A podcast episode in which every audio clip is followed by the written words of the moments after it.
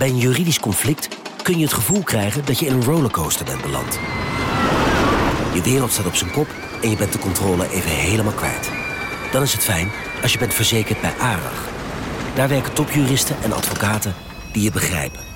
Die een stap extra voor je zetten. En je het gevoel van controle teruggeven. Met kennis en informatie, met heldere uitleg en met gericht advies. ARAG, juridisch probleemoplossers. Een maatschappij waarin iedereen meedoet. Een gezonde, groene en rechtvaardige wereld.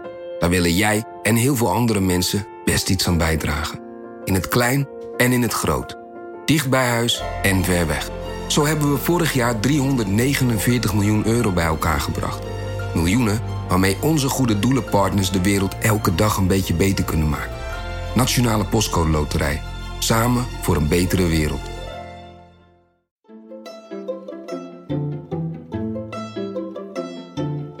Welkom.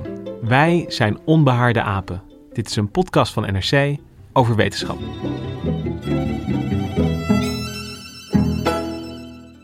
Hey, Lucas hier.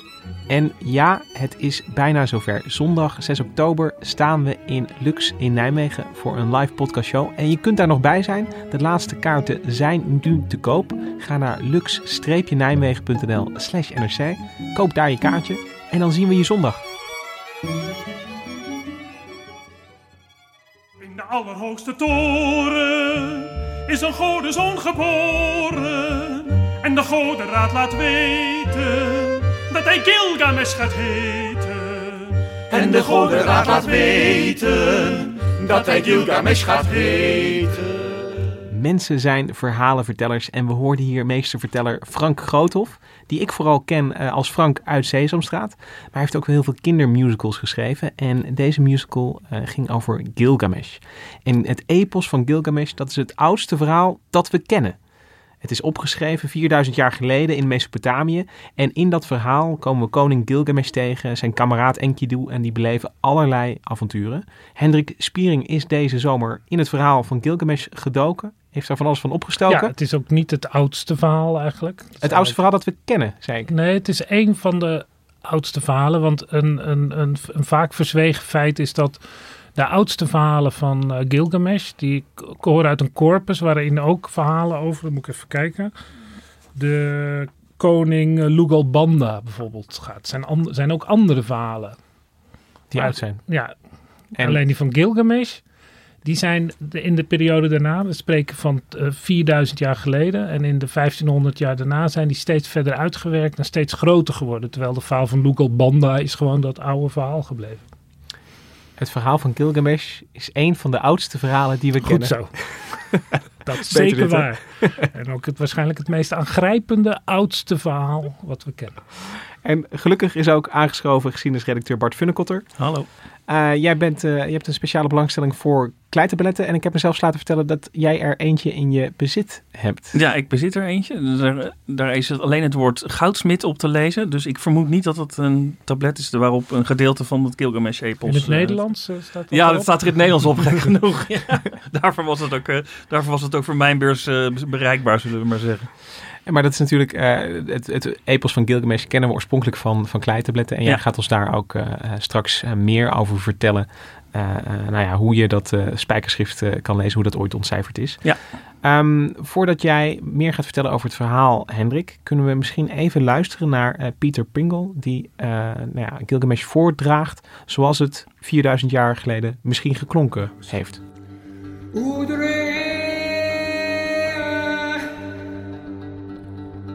Utsura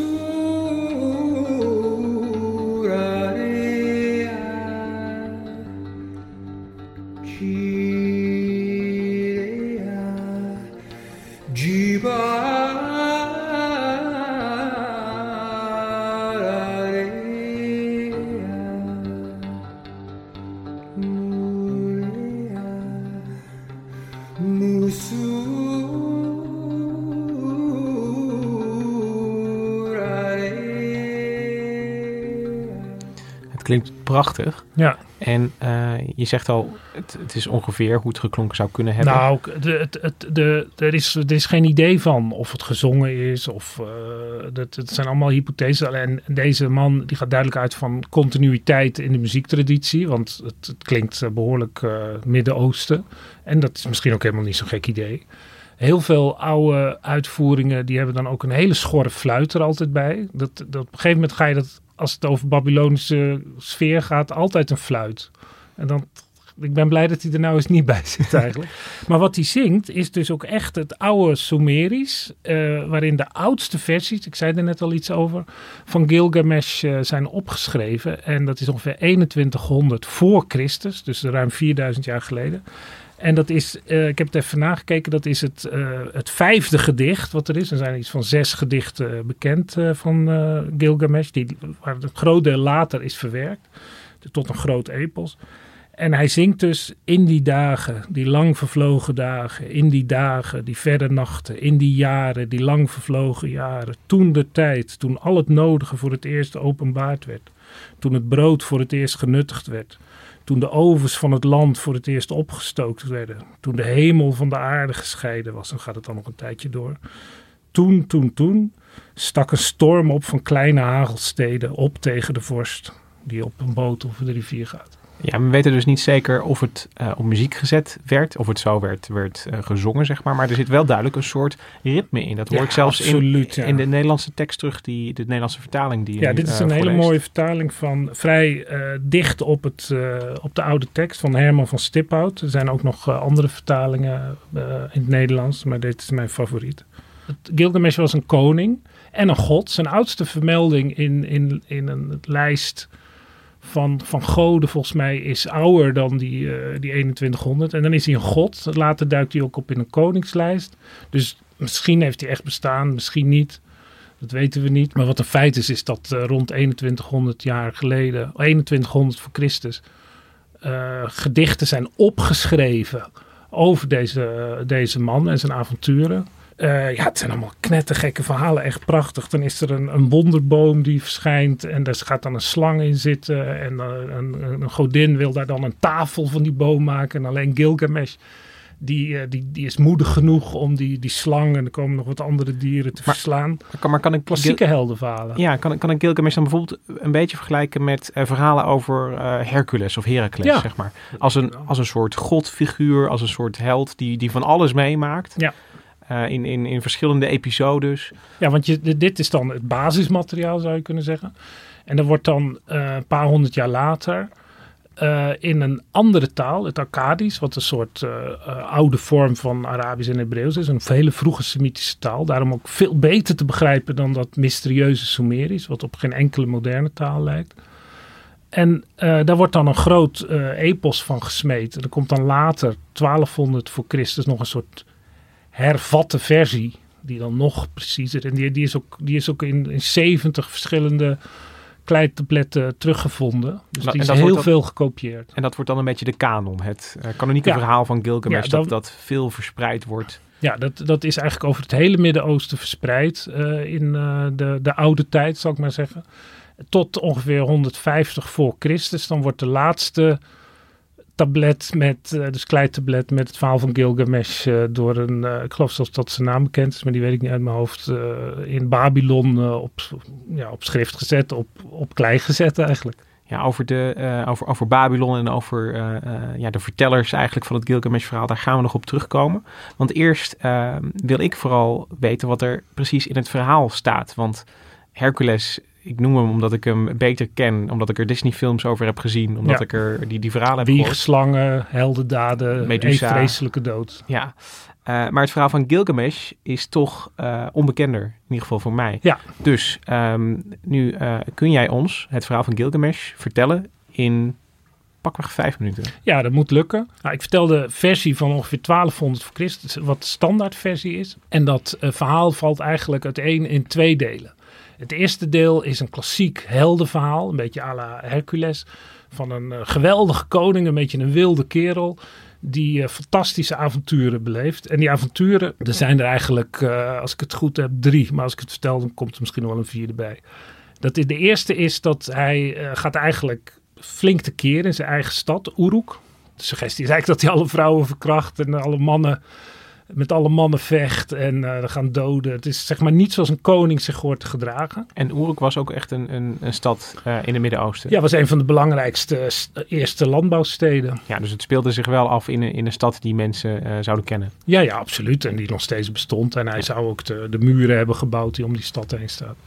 En eh, de goden die zien dat aan en die sturen dan op hem af een eh, natuurmens, Enkidu. Die leeft bij de gazellen en die, eh, die vecht met leeuwen en die is voor niemand bang. En eh, Gilgamesh die hoort dat, want dat, dat is dan een beetje eng dat er zo'n kerel verschijnt. En die stuurt dan een prostituee op hem af. En dat, dat is dan een, eh, een tempeldienares in feite. Zo ging dat in die tijd. En die, die, die eh, verleidt hem dan. Wordt allemaal uitgebreid beschreven in het gedicht. Het maakt het ook echt heel interessant, zeg maar. Het gebeurt van alles. En dan gaat ze zeven dagen en nachten met hem naar bed. Om, die uitdrukking te gebruiken. En dan eh, wordt hij mens. Want dan de gazellen die vluchten voor hem weg. En dan, dan moet hij wel naar de stad komen. Dus het En- plannetje van de goden is dan een beetje mislukt. Nee, want hij is nog steeds verontwaardigd over eh, wat Gilgamesh allemaal doet. Want dat hoort hij dan. En dan hij, gaat hij met hem vechten. En dan gaan ze ook vechten. En dan is een beetje onduidelijk wie er wint. Maar op, op het moment eigenlijk denk ik, als je het goed leest, dat Gilgamesh aan het winnen is, zegt hij mij, maar je bent mijn vriend. Je bent net zoals ik. En dan sluiten ze diepe vriendschap. En dan beginnen de, de gewone avonturen. En dan zegt Gilgamesh, weet je wat we gaan doen? We gaan eh Humbaba verslaan, de meester van het cederwoud. Zo gezegd, zo gedaan. Dat is natuurlijk ook een hele verwikkeling. Want Humbaba laat zich niet zomaar eh, verslaan. En die probeert ook die twee vrienden tegen elkaar op te zetten. Het is een soort trollachtig figuur. En dan, nou, Humbaba verslagen, groot stuk eh cederhout, mooie deur van gemaakt in eh Uruk. En dan krijg je het, het, het andere avontuur.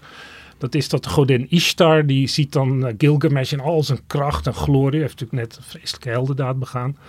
En dan eh, wordt ze verliefd op hem. En dan zegt eh, Gilgamesh, een fantastische passage. Ja, die, dan wordt hij uitgenodigd om met haar de liefde te bedrijven. Ja, dan zegt hij eigenlijk, ja, ik ben daar gek. Want ik weet wat er met al je vorige minnaars is gebeurd. De Moetsi, die, is, die gaat eindeloos dood. Je, was, je hebt een, een, een vogel verleid, die vleugel heb je gebroken en zo gaat het maar door. En dan wordt Ishtar zo, echt een hele diepe tirade tegen die eh, liefdesgodin. En hij heeft natuurlijk gelijk, want het is heel erg gevaarlijk om met godinnen het aan te leggen.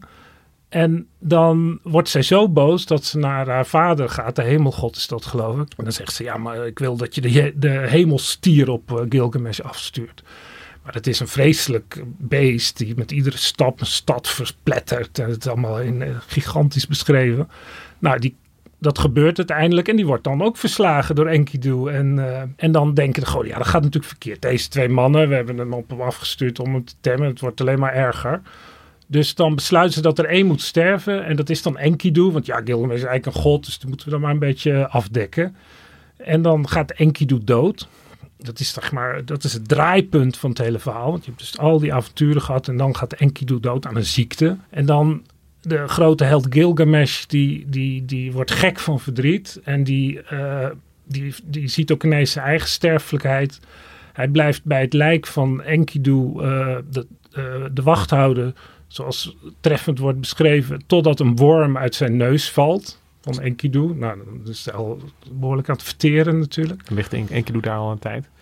En dan eh, gaat eh, Gilgamesh erop uit om naar een eiland in een verre zee eh, de onsterfelijkheid te zoeken. Want daar zou dan de man wonen die onsterfelijk is. De overlevende van de, de grote vloed die al het leven heeft vernietigd. Behalve het soort Ark van Noach verhaal. Het is gewoon het Ark van Noach verhaal. En die woont daar nog en die zou dan wel weten hoe die onsterfelijk moet worden. En dat is het tweede gedeelte van het verhaal. Die zoekt toch naar onsterfelijkheid. Ja, dat is, dat is dus een totaal. Dat is ook het mooie van dit verhaal. Dat je dus eerst klassieke heldendaden. Dat, dat verhaal van die Humbaba in dat cederwoud. Met, met schreeuwende apen. En allemaal geheime wapens van Gilgamesh die je had meegenomen. Dat is echt. dat kan je gewoon. Dat nog niet verfilmd is, is eigenlijk een raadsel. Het zou zo'n heldenfilm kunnen zijn. En dan ineens die, ja, dat drama van die dood. Ook die willekeurige dood ook eigenlijk. Want ja, waarom moest Enkidu dood? Maar het, het, wordt ook wel een, een, een soort menselijk verhaal over, over sterven, Ja, over afscheid nemen. En ineens echt een, een- het wordt ook wel eens gezegd, het is eigenlijk het enige verhaal uit, uit, uit, van zo oud waar een persoonlijke ontwikkeling in zit. Want ja, je ziet Gilgamesh van een held veranderen in een, ja, in een gewoon mens eigenlijk. Hij wordt geconfronteerd met de beperkingen van zijn Ja. macht en kunnen. Maar typisch Gilgamesh, hij trekt er gelijk op uit. En het, wat ook wel mooi is, hij wordt dan eigenlijk een soort Enkidu. Want hij, hij laat zijn haar groeien, hij, hij wordt vies, hij wordt eh, helemaal één met de natuur. Hij, ik geloof dat hij onderweg nog wel een leeuw verslaat ook. Gaat hij toch door naar die uh, Utnapishtim. En die zegt, ja, maar je kan helemaal niet... eh, zo, dat is die overlevende die daar woont met zijn vrouw. Ook zo'n sympathiek detail. Dat ze daar gewoon met z'n tweeën voor eeuwig in dat huisje zitten. Verder niks te doen. Dus ik denk dat ze ook wel blij waren dat er iemand langskwam. En dan zegt uh, Utnapishtim, ja, die, die kan niet onsterfelijk worden. Want ik ben onsterfelijk geworden door die vloed. En dat is maar eenmalig. En dat, is, dat gebeurt gewoon niet meer. Pech gehad. Pech had, een soort beloning voor zijn, uh, voor zijn daad. En dan uh, wil Gilgamesh dat niet geloven. En dan zegt uh, Utnapishtim, nou, probeer er, als je zo graag onsterfelijk wil worden, probeer er maar eens zeven dagen niet te slapen. Maar ja, Gilgamesh heeft net die enorme reis die valt ook onmiddellijk in slaap op het moment dat Utnapishtim dat zegt. En dan uh, heeft Utnapishtim met zijn vrouw een list. Want dan zegt ze, ja, dat gelooft natuurlijk, gelooft hij ons niet. En dan maakt ze iedere dag, maakt de vrouw van Utnapishtim een soort cakeje. En dat wordt dan neergezet of iets te eten. En als Gilgamesh dan wakker wordt, zegt hij, oh, ik heb helemaal niet geslapen. Jawel. En dan ziet hij dus, in, wordt helemaal beschreven, ook in het gedicht, steeds verder verteerd. Uh, het Kijk eerste eens. is nog vers, de tweede is al zacht geworden, de derde zit schimmel op en zo verder. Nou, dan, dan gaat hij uh, te neergeslagen weg, want dan begrijpt hij, het zit er niet in. En dan stoot eigenlijk de vrouw van Utnapishtim, stoot die uh, overlevende van de vloed aan. Die zegt, ja, ze kunnen toch niet zo laten gaan? En dan zegt ik heb nog wel één dingetje dan voor je. Een kruid wat eeuwig, wat telkens verjongt. Dus dat is niet het eeuwige leven, zo wordt het vaak genoemd. Maar dat is niet zo, een, je, wordt, je wordt iedere keer jonger. Maar ja, op een gegeven moment is dat ook uitgewerkt natuurlijk. Nou, dat, gaat hij, dat zoekt hij dan, ook weer een heel avontuur. En dan op weg naar Uruk, eigenlijk ja, niet onsterfelijk, maar toch bijna het eeuwige leven. Als je maar genoeg van dat kruid blijft eten. En dan komt er een slang, dan valt hij in slaap bij de oever van een meertje. En dan komt er een slang en die eet dan het, uh, het, het uh, plantje op. En dat is natuurlijk het, ja, dan is, dan is alles weer gewoon geworden. Dan is eigenlijk alles, dat zegt hij dan ook op het einde. Dan komt hij bij Uruk aan en zegt hij eigenlijk alles is voor niks geweest. Een reptiel heeft mijn uh, het laatste wat ik had nog opgegeten. En dus aan het einde van het verhaal is uh, Gilgamesh ook weer terug bij de stad waar het allemaal begon, in Uruk. Ja, en er is dan, uh, dan het, het, het, het hele gedicht, die standaardversie, begint uh, met ook onder meer een beschrijving van de muren van Uruk. En daar eindigt het ook echt het einde van dit, dit, dit gedeelte. En er wordt wel gezegd van ja, dan zie je dus, het, uiteindelijk draait alles om Uruk. Ja, en het zit dus ook wel vol uh, wijze, wijze lessen eigenlijk. Ja, heel veel wijze lessen, ja. Voor het leven. Oké, okay, Bart, uh, Hendrik vertelt nu dit, dit, dit verhaal als, een, als een rond verhaal met, met, met een kop en een staart. En alsof het verhaal altijd zo geweest is. Maar er was een tijd dat het, de wereld het verhaal van Gilgamesh vergeten was. En dat het opnieuw ontdekt moest worden. En hoe ging dat? Ja, het klopt. Het, het verhaal is zeg ongeveer 2000 jaar uh, ik rond even af 2000 jaar kwijt geweest. Ja, tot, dus van het jaar nul. Ja, tot, tot ongeveer, nou, nou tot precies uh, 1872. Want toen, um, kregen we een ander helder verhaal. Namelijk het verhaal van George Smith. Een, uh, een man uit Londen die op zijn veertiende van school moest. Zijn vader was timmerman en George werd uh, graveur. Die, moest, uh, die was een bankbiljettengraveur. En zijn hobby, uh, dat was moeilijke dingen ontcijferen. En daarvoor ging hij vaak naar het British Museum in Londen. Waar een enorme stapel van tienduizenden kleitabletten lag. Die uit, um, uit Mesopotamië naar, naar Engeland waren vervoerd. En hij leerde zich het, het spijkerschrift lezen. En op een mooie avond in 1872, toen keek hij naar een kleitablet en hij ontcijferde dat. En hij las dat er een grote boot, gevuld met dieren, strandde op de top van een berg. En dat er een vogel werd losgelaten. Nou, toen wist hij natuurlijk onmiddellijk. Ik lees hier het verhaal van, uh, van, van de vloed, van, van de ark van Noach. Het bekende verhaal uit de Bijbel. Ja, het bekende verhaal uit de Bijbel. En het, het verhaal gaat dat hij had, had zo'n extatisch uh, Eureka-moment hierover.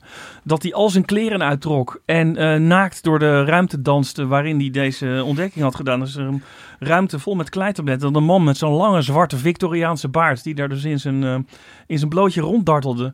Dat moet be bekijks hebben getrokken? Ja, maar er was er was maar Maar één er was bijna niemand Er was, bij. er was bijna niemand, eh, inderdaad. Het, en het, het- ah, goed, hij is toen verder gaan lezen en heeft toen eh, later dat jaar een presentatie gehouden in het British Museum, waar echt iedereen op af was gekomen, inclusief de, de, de prime minister, die zat in het publiek. En toen vertelde hij dus van, ik heb het, eh, ik heb het verhaal van de vloed eh, gevonden. Nou, mensen in alle staten, alleen ze hadden nog niet alles teruggevonden. Maar als ik daar mag inbreken. Ja.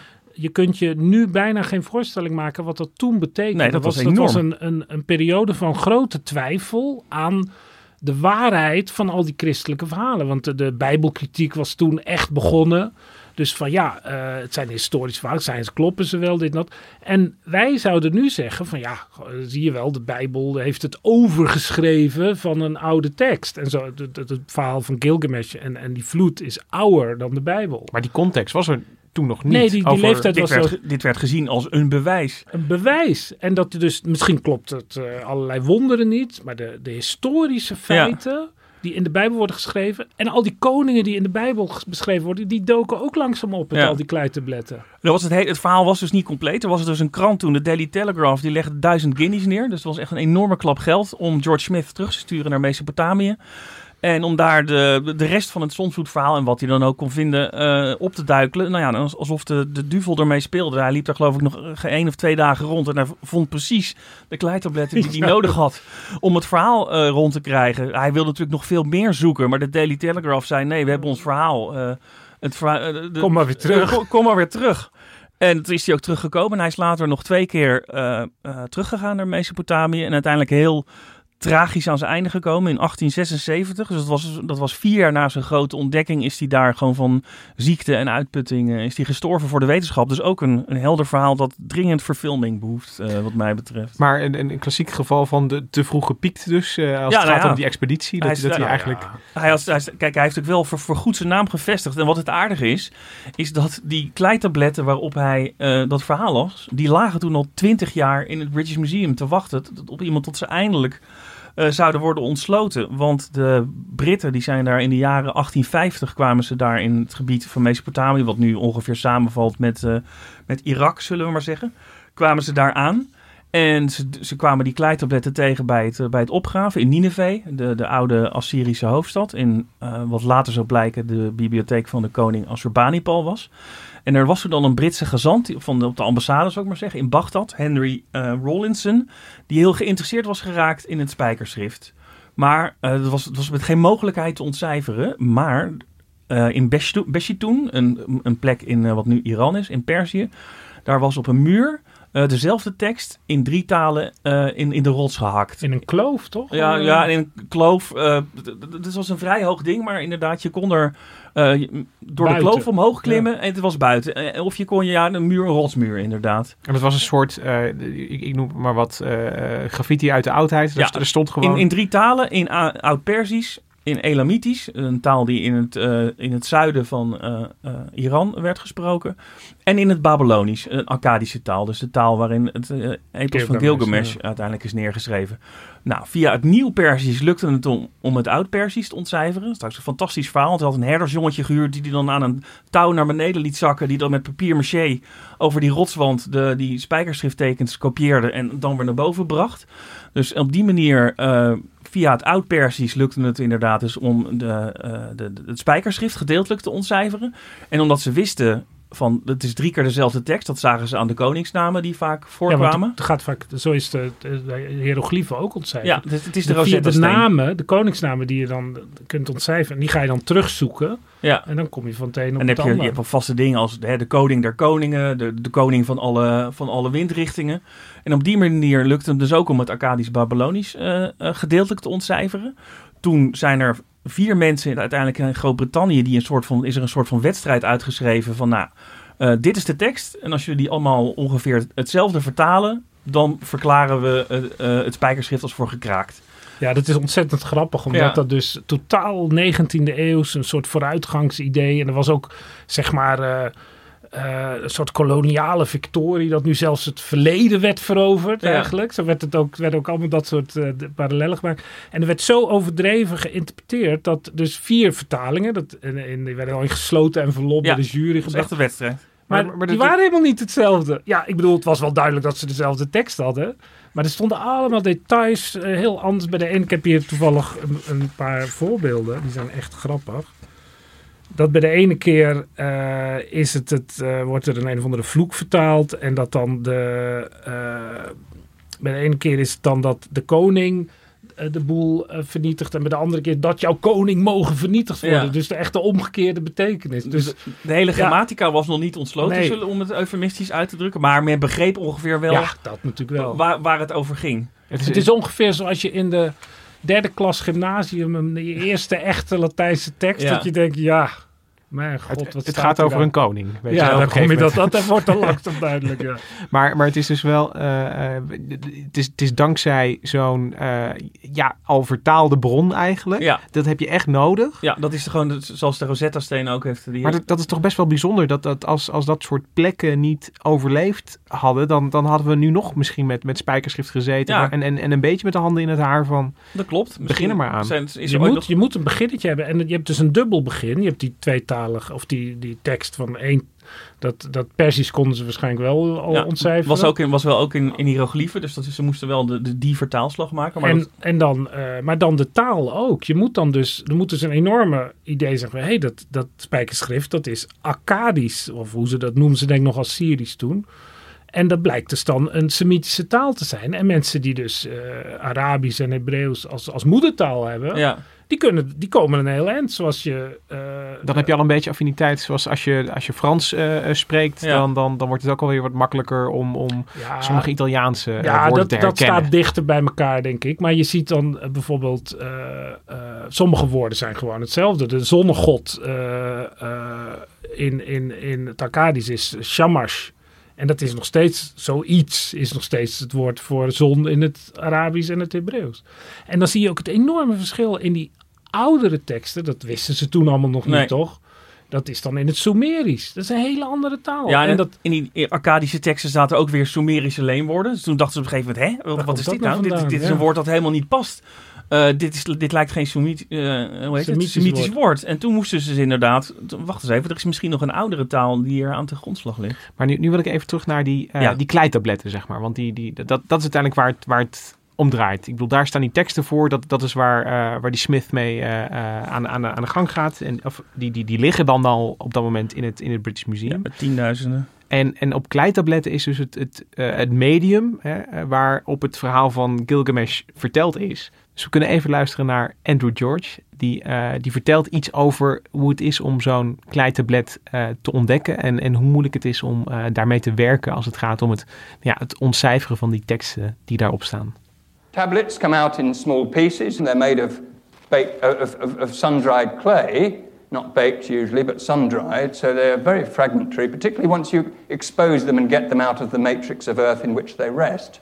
They very, very rapidly deteriorate unless they're conserved. So it's difficult work and very fragile work getting these things out of the ground archaeologically. And then we find that because the literature of ancient Mesopotamia was essentially canonical, uh, belonged to a stream of tradition in which people kept on writing out the same stuff, you get multiple witnesses to the same text. And Gilgamesh is no exception. We get passages where there are four or five different sources, and these sources are fragmentary. But what we can do is use the different surviving bits to put together the text. Dus hoe dat werk van vertalen eigenlijk werkt, is dat je steeds overlappende stukken tekst aan het zoeken bent. Moet ik het me zo voorstellen? Nou, eh, trouwens, die Andrew George is dé grote kenner en uitgever van het Gilgamesh-epos van dit moment. Dat is echt, zeg maar, eh, voor driekwart god van eh, de spijker Gilgamesh. eh, de, de koning van de Gilgamesh vertalingen. En die, wat, wat, dit gaat dus niet over het vertalen. Eh, want het gaat over het samenstellen van fragmenten van tekst die je eenmaal hebt. Want je hebt dus allemaal eh, eh, vaak gebroken eh, tabletten. Dat zie je dus ook in, in, in de wat wetenschappelijkere uitgaven, zoals die van Stiphout. Daar staan dan puntje, puntje, puntje, puntje, puntje, puntje. Omdat die tekst zoveel herhalingen kent, kun je dat soms invullen. Omdat ja, je, je ziet het begin, je ziet het einde. En je denkt, oh, daar gaan we weer. Dat is dat de ene passage, bijvoorbeeld die passage over die, die, die, die worm die uit de neus valt. Dat wordt verteld in dat stuk. Maar dat komt later nog iedere keer terug. Als hij bij Utnapishtim komt en ze vragen hem... Wat, Wat is er gebeurd? Ja, dan, gaat de, hup, dan gaan ze weer. Weet je? En dat Ja. maakt het ook makkelijker om het te reconstrueren. Maar er zijn... eh, dus dan heb je het al vertaald. En dan denk je, ja, maar is die nou... Is nou eerst die, die Ishtar-affaire of komt dat na die, eh, Ja, ja. die, die- die dood? Of, er zijn allerlei... Er is ook laatst een klein tablet gevonden, een nieuwe. Die heeft Andrew George samen met een Irakese geleerde eh ontcijferd en gepubliceerd, een jaar of drie, vier geleden. En toen bleek ook dat een ruzie die er was over een bepaalde volgorde, was nogal gedetailleerde ruzie, maar die bleek beslist te worden door dat fragment wat ze hadden gevonden. En Een dus de- prachtige beschrijving van het bos eh, waar Humbaba eh leefde. En, en er worden dus nog steeds nieuwe stukjes Gilgamesh ontdekt? ja, maar of, niet of, zoveel. Oké, want, er zijn want- iets van 3000 versregels of 3500 of zo. En er zijn er iets van 500 zijn niet bekend. Er zitten gaten. Oké, dus, het- dus het is wel. eh, het is nog steeds wel nieuws als er een, Ja, een, nou, een, een, een, een snipper. Ja, we eh, hebben toen ook een groot stuk over geschreven. Ja. En door George die zegt ook van, het, het is alsof je een puzzel maakt, maar niet met de stukjes van één puzzel, maar met de stukjes van tig puzzels. Eh, dus het, je moet telkens kijken van dit stukje uit die puzzel past daar, daar past het stukje uit de andere pu- puzzel naast. En zo krijgen we dan een zin of een passage. Ja, en is het dan, eh, eh, omdat het klei-tabletten zijn, het, het, het, het- ik, ik stel me toch, een, ik, ik bedoel, hoe groot zijn ze? Zijn ze zo groot als een, een A4'tje dat voor me ligt? Eh, groter vaak, toch? Ja, er, zit van alles, er zit van alles tussen. Het kan ik, zag ook, inderdaad. ja, ik zag ook laatst Ja. een soort baksteenachtig, dat je het aan alle kanten kon beschrijven. Ook. Ja. Ja. En, en, en eh, dat, dat is, eh, dat ze er nog zijn, is eh, denk ik omdat ze, omdat ze hard zijn. Ja, want ze- hard, hard als aardewerk. Ja, die dingen werden zelf zongedroogd, zoals dat ging in die tijd. Niet afgebakken.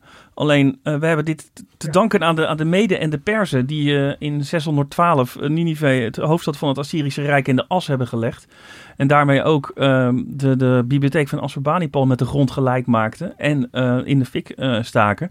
Dus die eh kleitabletten zijn eerst gedeeltelijk eh, afgebakken... en vervolgens is het hele dak erop ingestort. En zo zijn ze redelijk goed bewaard Perfect, gebleven. eh, perfecte Is dit, bewaring. is dit dan een van de weinige momenten in de geschiedenis dat de, de vernietiging van een bibliotheek, zeg maar, de, de redding van de inhoud het, betekent? Het, het is daar niet alleen. Heel veel uh, kleitabletten zijn op deze manier uh, bewaard gebleven. Doordat gewoon uh, kennelijk de gewoonte was als je eenmaal een oorlog gewonnen had... om dan de hoofdstad van je tegenstander uh, af te branden.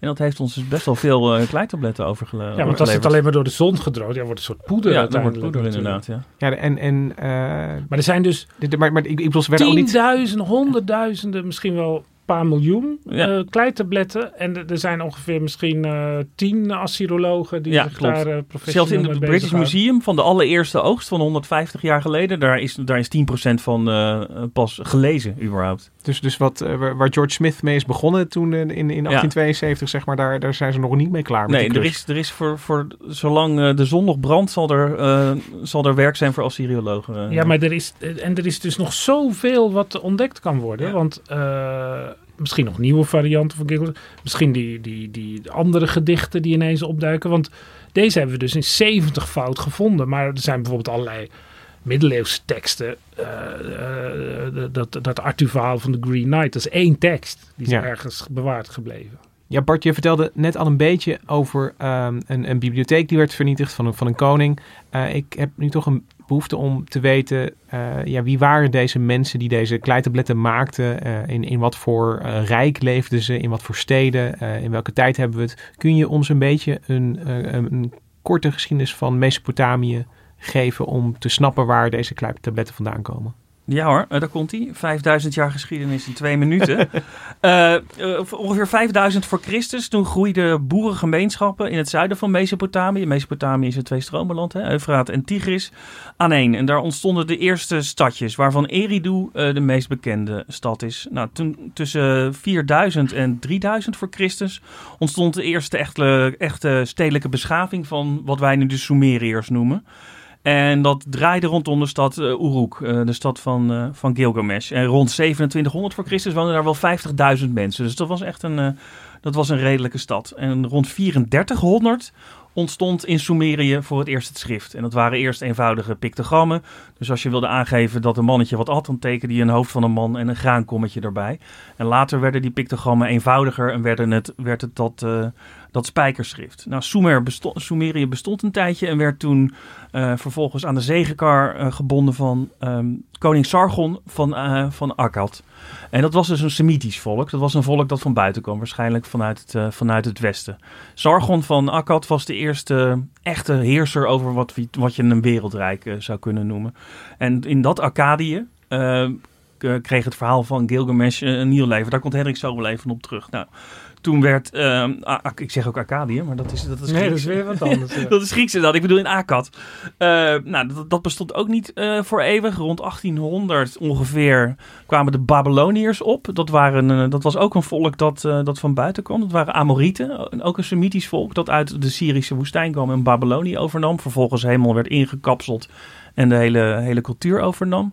Nou, dat, het, golfde, het, geluk van Babylonië golfde een tijdje op en neer. En uiteindelijk kwam we dan in de, de Assyrische periode. Assyrië is helemaal het noorden van Irak. Rondom de hoofdstad Nineveh. Nimrod is ook een belangrijke stad. En je hebt daar dus uh, de koning uh, Assurbanipal. Dat was echt de ultieme Assyrische koning. Dat was een man die en goed kon jagen, maar er ook heel trots op was dat hij kon lezen en schrijven. Want in zijn jachttevreden liet hij zich afbeelden met een pen in zijn riem. Van kijk, ik kan niet alleen leeuwen vermoorden, maar ik kan ook een kleitabletten lezen en, uh, en, en, beschrijven. Daar was hij heel trots op. Nou, uiteindelijk gaan dan ook de, de Assyriërs eronder. Dan krijg je nog kort een Babylonische periode. Ja, en dan nieuw neem, Babylonische. Ja, een nieuw Babylonische periode. Dan, en dan nemen de, de Perzen vanuit Iran het over. En dan is het afgelopen met de meeste Mesopotamische beschaving als een zelfstandige beschaving. Dat, dat heb je heel snel gedaan, want we zijn nu dus in 500 voor Christus. Ja, ja klopt. We zijn nu in 500 voor Christus. Uh, en, en even voor mijn begrip, dit zijn allemaal, noem ik ze even, Gilgamesh-vertellers. Van die, van die Sumeriërs tot die Akkadiërs, tot die Babyloniërs, tot die Ja. Assyriërs. klopt. Ja, En die absoluut, hele periode ja. is Gilgamesh verteld. Ja. Ja. En eh, dan gaan we nu eh, in, in, in dat raamwerk gaan Ja. we zeg maar eh, Gilgamesh nog, nog een paar keer plaatsen. Want Ja, de is- Sumeriërs zijn, zijn de eerste die het Ja, je vertellen. kan, eh, eh, er is dus waarschijnlijk in die Sumerische tijd, voor die Sargon, was Gilgamesh een soort god of een koning. En die, daar werden we ongetwijfeld verhalen over verteld. Dan komt dus die Akkadische overheersing van Sargon. En dan is iets wat, wat eh, eh, Bart in zijn haast niet verteld heeft. Als Sargon verdwijnt, als dat Akkadische Rijk verdwijnt, dan komt er even een nieuw Sumerisch Rijk. Ja. En dan grijpen ze dus terug op die Sumerische cultuur en dan krijg je een soort bloei. En dan worden al die Sumerische gedichten, die, die gedichten over die, die tafel van die boom, de gevecht met Umbaba en zo zijn er nog wat, worden opgeschreven in het Sumerisch. De derde dynastie van Oer. Ja, de eh, derde dynastie. En dat is net als die Assurbanipal met zijn pen eh, Ja. in zijn jacht. Heb je dan ook een koning, eh Shulgi. Die is ook heel eh, trots op eh, dat hij kan lezen en schrijven. En dat, het allemaal, dat, dat de taal van Sumer voor eeuwig zal blijven bestaan. En al die verhalen zullen wel. En dan worden die gedichten opgeschreven. Dan, eh, dat is fase 1. En dan is dat Babylonische Rijk komt. Dat is een Akkadische cultuur, dat is weer Semitisch. Die nemen die Sumerische teksten over als een soort, eh, ja, een soort, bijna nou, niet echt als heilig schrift, maar die worden in de schrijverscultuur eindeloos gekopieerd. We hebben dus al die kopieën van die, eh, bij- bijna allemaal, niet allemaal, van die Sumerische tekst komen uit het Babylonische Rijk. Omdat dat, dat was de schrijversoplossing. En, en, en dat was dus een, eh, als jij zegt een schrijverscultuur, moet ik me een soort massaproductie van, van dit soort kleitabletten voorstellen? Nou, Maar dat Ja, was, ter, dat was ter, product. oefen- ter oefening, om, want het- dat waren echt grote schrijverscholen. Hè. 80% van de kleitabletten zijn overigens geen fantastische verhalen, maar is boekhouderij Ja, en, eh, en, en, en briefwisselingen. Want waarschijnlijk dat, dat woordje goudsmit op jouw kleitablet Ja. is waarschijnlijk afkomstig Ik- uit ik heb correspondentie tussen... Ik heb een rekening. eh, Ja. waarschijnlijk, Ja, want het, die, die, die, die beschavingen, dat waren eh, in, over het algemeen stond de tempel centraal. Waar, waar, en die, die hielden de administratie van alle landen van de tempel. Soms was het de koning, soms de tempel. Dat werd allemaal geadministreerd en de- daar werd allemaal opgeschreven. En om te oefenen, om die taal te leren, zoals eh, in de middeleeuwen zeg maar eh, Romeinse oude teksten werden gekopieerd, eh, ja, werd dat, eh, dat, zo leerde je de taal. Het was, Gilgamesh was huiswerk. Ja. Ja, is in feite huiswerk. En eh, die Sumerische teksten en die eerste Babylonische versies, dus de echte epos, waarin, waarin dat al die losse anekdotes aan elkaar worden gezet, tot dat wordingsgeschiedenis van Gilgamesh. Dat is waarschijnlijk, denken ze, een soort spielerij geweest van die schrijvers die dan iets voor zichzelf wilden doen. En er zijn wel theorieën dat dat eigenlijk een hele beperkte verspreiding had.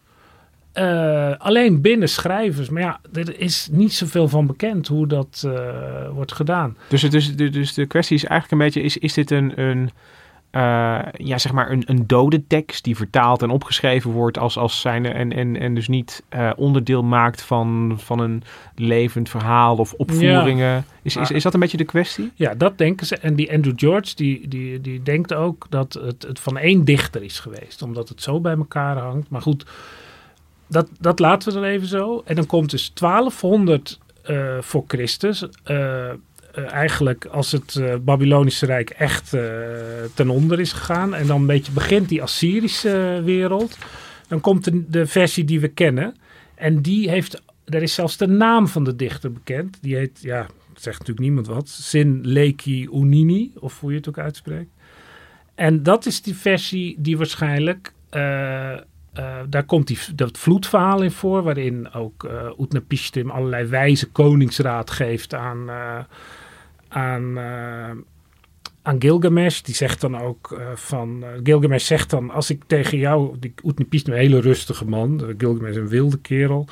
En dan zegt Gilgamesh, ja, jij bent net als ik. Je bent helemaal niet anders. Toch is jouw hart bedaard en zonder strijdlust. Je hebt je neergelegd. Jouw vechtarm rust nu. En dat is eigenlijk een soort les aan de koningen. Joh, je hoeft niet altijd te vechten. Hè? Eh, of die er naar luisterde, dat is natuurlijk de vraag. Niet Maar- echt. Nee.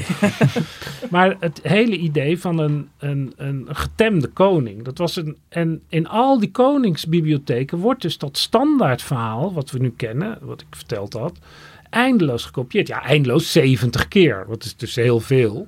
Maar, maar dan zeg je dus eigenlijk, het, verhaal van Gilgamesh wordt dan onderdeel van een soort Ja, koningsopleiding. weer van een soort hofcultuur eigenlijk. Dus, dus dan heb je in, in elk eh, koningshuis heb je natuurlijk allemaal, eh, je hebt ook de docenten en, en eh, Ja, die, die, die de koning moeten, de aankomende koning moeten onderwijzen en, en dat dan dit soort verhalen verteld werden als een soort levenslessen. Ja, en dat, en dat verhaal begint ook van eh, in, in, in, al in regel eh, 20 of 30 van eh, kijk, maak de doos open, haal de kleitablet met het verhaal van Gilgamesh eruit.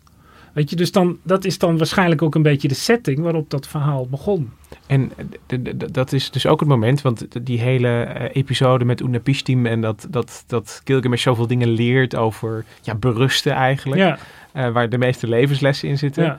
dat, dat, dat stamt dus ook uit die fase. Dus, dus dat, dat, ja, dat is dan onder, dat is in die oude versie eh, van 1800 zit dat er waarschijnlijk nog niet in. Maar in die oude gedichten van Sumerië wordt er verwezen naar dat hij, nou dat is dan een andere naam, eh, maar dat is ook Utnapishtim, dat hij bij hem op bezoek is geweest. Dus daar zit het ook al in. Maar of hij dan al die wijze lessen heeft gekregen of daar gewoon weer klassiek als een wilde man tekeer is gegaan, dat, dat weten we natuurlijk niet. En, en, en kunnen we dan nog een, een, een dwarsverband slaan, toch nog even terug naar dat andere Semitische volk waarvan we de verhalen nog eh, eh, kennen?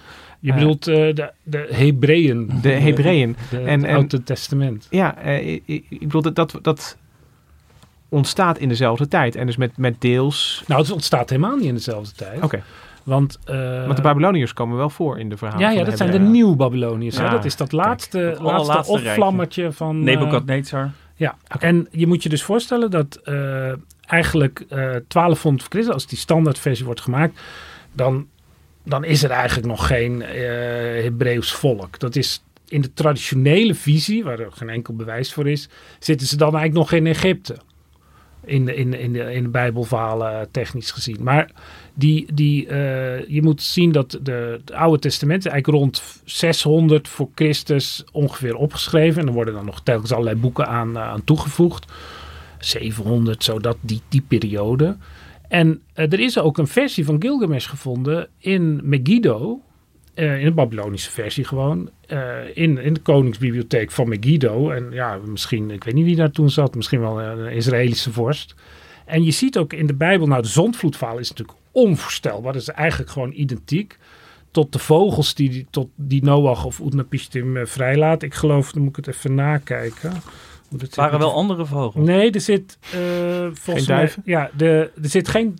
De, bij, bij Noach zit er een duif in, volgens mij. Ja. Ja. En bij Gilgamesh niet. Maar de Nee. raven, Ja. die zijn wel eh, hetzelfde. Maar Volgens is, mij... is, er, is er behalve het zondvloedverhaal nog, nog een verhaal dat zo evident... Het, het- het- Nou, dat zit in, in het bekende Bijbelboek Prediker, maar misschien is het wel helemaal niet zo bekend. Daar zit ook een passage in voor, die komt uh, bijna rechtstreeks uit het, uh, uh, de oud-Babylonische versie. In de nieuwe is die ook weer weggevallen. Dat is die, die, die herbergierster die dan aan de rand van de zee zit. Die zegt dan tegen Gilgamesh... Ja, de, de goden hebben de sterfelijkheid uh, voor de mensen gemaakt. Je zal nooit onsterfelijk uh, worden. Ga nou maar naar huis. Ik zeg het even in mijn eigen woorden. Was je haar, trek nette kleren aan, bemin je vrouw en geniet van je kinderen. En eet en drink. En eet en drink, ongetwijfeld. Een soort geniet van dit korte aardse ja, dus, bestaan. ja, pluk de dag eigenlijk. Ja. Ja. Maar ook, het zit ook die band met de vrouw en kinderen. Dat, Ja. dat zit er ook wel in. En dat, komt terug in het boek Prediker Ja, uit de Bijbel. ja, en dan staat er ook wel in van in de dagen die God u heeft gegeven. Weet je, het wordt wel een beetje in die, in die wat, uh, wat, wat benauwdere, Wat formelere. wel ja, een benauwdere sfeer van uh, zondigheid die bij Gilgamesh helemaal ontbreekt uh, getrokken. Maar het is letterlijk dezelfde tekst. Of letterlijk, het is gewoon dezelfde passage. En er komen nog wat andere dingen in voor. Bijvoorbeeld er komt op een gegeven moment ook over hoe je moet samenwerken. Is ook in Prediker. Een koord van drie touwen gevlochten. Ja, helemaal precies in de context. En dat, dat komt ook uit een passage van Gilgamesh. Dus het, het duikt overal op. En, maar nooit als het verhaal van Gilgamesh of zo. Die Ja. uh, in latere... Uh, De naam Gilgamesh wordt dan ook vergeten. En hij duikt steeds minder genoemd en uiteindelijk ja, vergeten. in, als, je het, als je het binnen Israël bekijkt, in de Dode Zeerollen komt nog een boek voor. Daar worden een paar demonen genoemd. En uh, die heten dan Glimesh, Humbaba en Utnapishtim. Hmm. Of wat erop lijkt. Ja. En die zijn ze dus verworden tot demonen. In de Romeinse tijd, in de derde eeuw, wordt er nog een verhaal verteld over Gilgamesh. En dat, ja, dat lijkt eigenlijk helemaal niet op het Gilgamesh-verhaal. Maar die naam is dan wel hetzelfde. Ja, je kunt eigenlijk al wel stellen, de, de, de, de naam gaat dan nog even door, maar het verhaal is dan zeker al verloren. Ja, er is één interessante passage. Dat is een verhaal wat in Duizend en één Nacht zit. En wat in de jaren 30 nog in, ik denk bij de Moeras-Arabieren in het zuiden van, uh, van Irak werd verteld. En dat gaat over uh, Samshum al-Jabbar. En dat gaat over een man die naar een eiland in een wereldzee waar een onsterfelijke woont. Mm. En er speelt ook een, een, een, begrafenis van een vriend een rol. Dat lijkt haast mm. een soort. Schaduw, je door een, soort echo. Ja, door een soort bewolkte spiegel kijkt ja. naar dat oude verhaal. En, en dat is dan wel mooi in, in die zin dat, uh, uh, dat eerst een ja, verhaal uit een orale traditie eigenlijk een, een schriftelijk verhaal werd. Een epos, een gedicht. Uiteindelijk toch minder populair wordt, vergeten raakt, maar toch toch misschien heeft blijven bestaan in een orale traditie weer. Ja, en nu dus weer all over the place, want heel veel mensen kennen het niet, maar heel veel mensen kennen het ook wel. Want er zijn toneelstukken van, je hebt een... een, een de opera Groothof. Van Frank ja. voor de het, het, het, het, het, Er zijn uh, muziekstukken over gemaakt, het duikt voortdurend weer op. En dat is, dat is misschien de kracht van Gilgamesh, dat uh, nou ja, het is een, een heel goed verhaal en het inspireert en raakt uh, mensen uh, nog altijd. En we kunnen nog even luisteren naar Andrew George uit uh, een van onze favoriete podcasts In Our Time. En ja, die Andrew George, de, de, de, vertaler van, van Gilgamesh, de meestervertaler, die, die ziet dat ook bij zijn studenten terug. And there's a very moving bit here where uh, describes how when the rain ceased and things had gone quiet, he opened a hatch and looked out. And um, he could see only water. And then he reflects on, on his position, on, on what has happened. He sees that all men have di- died. And he says, Uktamisma atashababaki. Eliduri apia, ilaka dimaya. I knelt me down and sat there weeping, and over the sides of my cheeks the tears did flow. So and when I read this with my students, many students say they're actually moved by the original Babylonian here, uh, which is interesting in a poem that's 4,000 years old. 4000 jaar oud, maar uh, die woorden die hebben nog altijd een soort, soort kracht en, en ja, magie bijna als het gaat om uh, het, het, het, het, opwekken van gevoelens en, en, en ideeën en beelden. Oké, okay, Hendrik en Bart, ontzettend bedankt dat jullie het verhaal van Gilgamesh opnieuw tot leven wilden wekken en ook de, de verhalen over de, de herontdekking ervan. Uh, Misha Melita bedankt voor de productie van deze aflevering. De muziek die je hoorde aan het begin en nu ook aan het eind is van het Dudok Quartet. En ik herinner jullie er nu nog voor de allerlaatste keer aan beloofd. Maar uh, aankomende zondag 6 oktober in Nijmegen een live show van Onbehaarde Apen. Ga naar lux-nijmegen.nl slash nrc. Koop daar je kaartje en dan zien we elkaar al over een paar dagen. En het gaat over bier. We gaan het hebben over bier en ook weer over Mesopotamië, Bart. Ja, uh, dus ik ben er ook bij. Tot dan.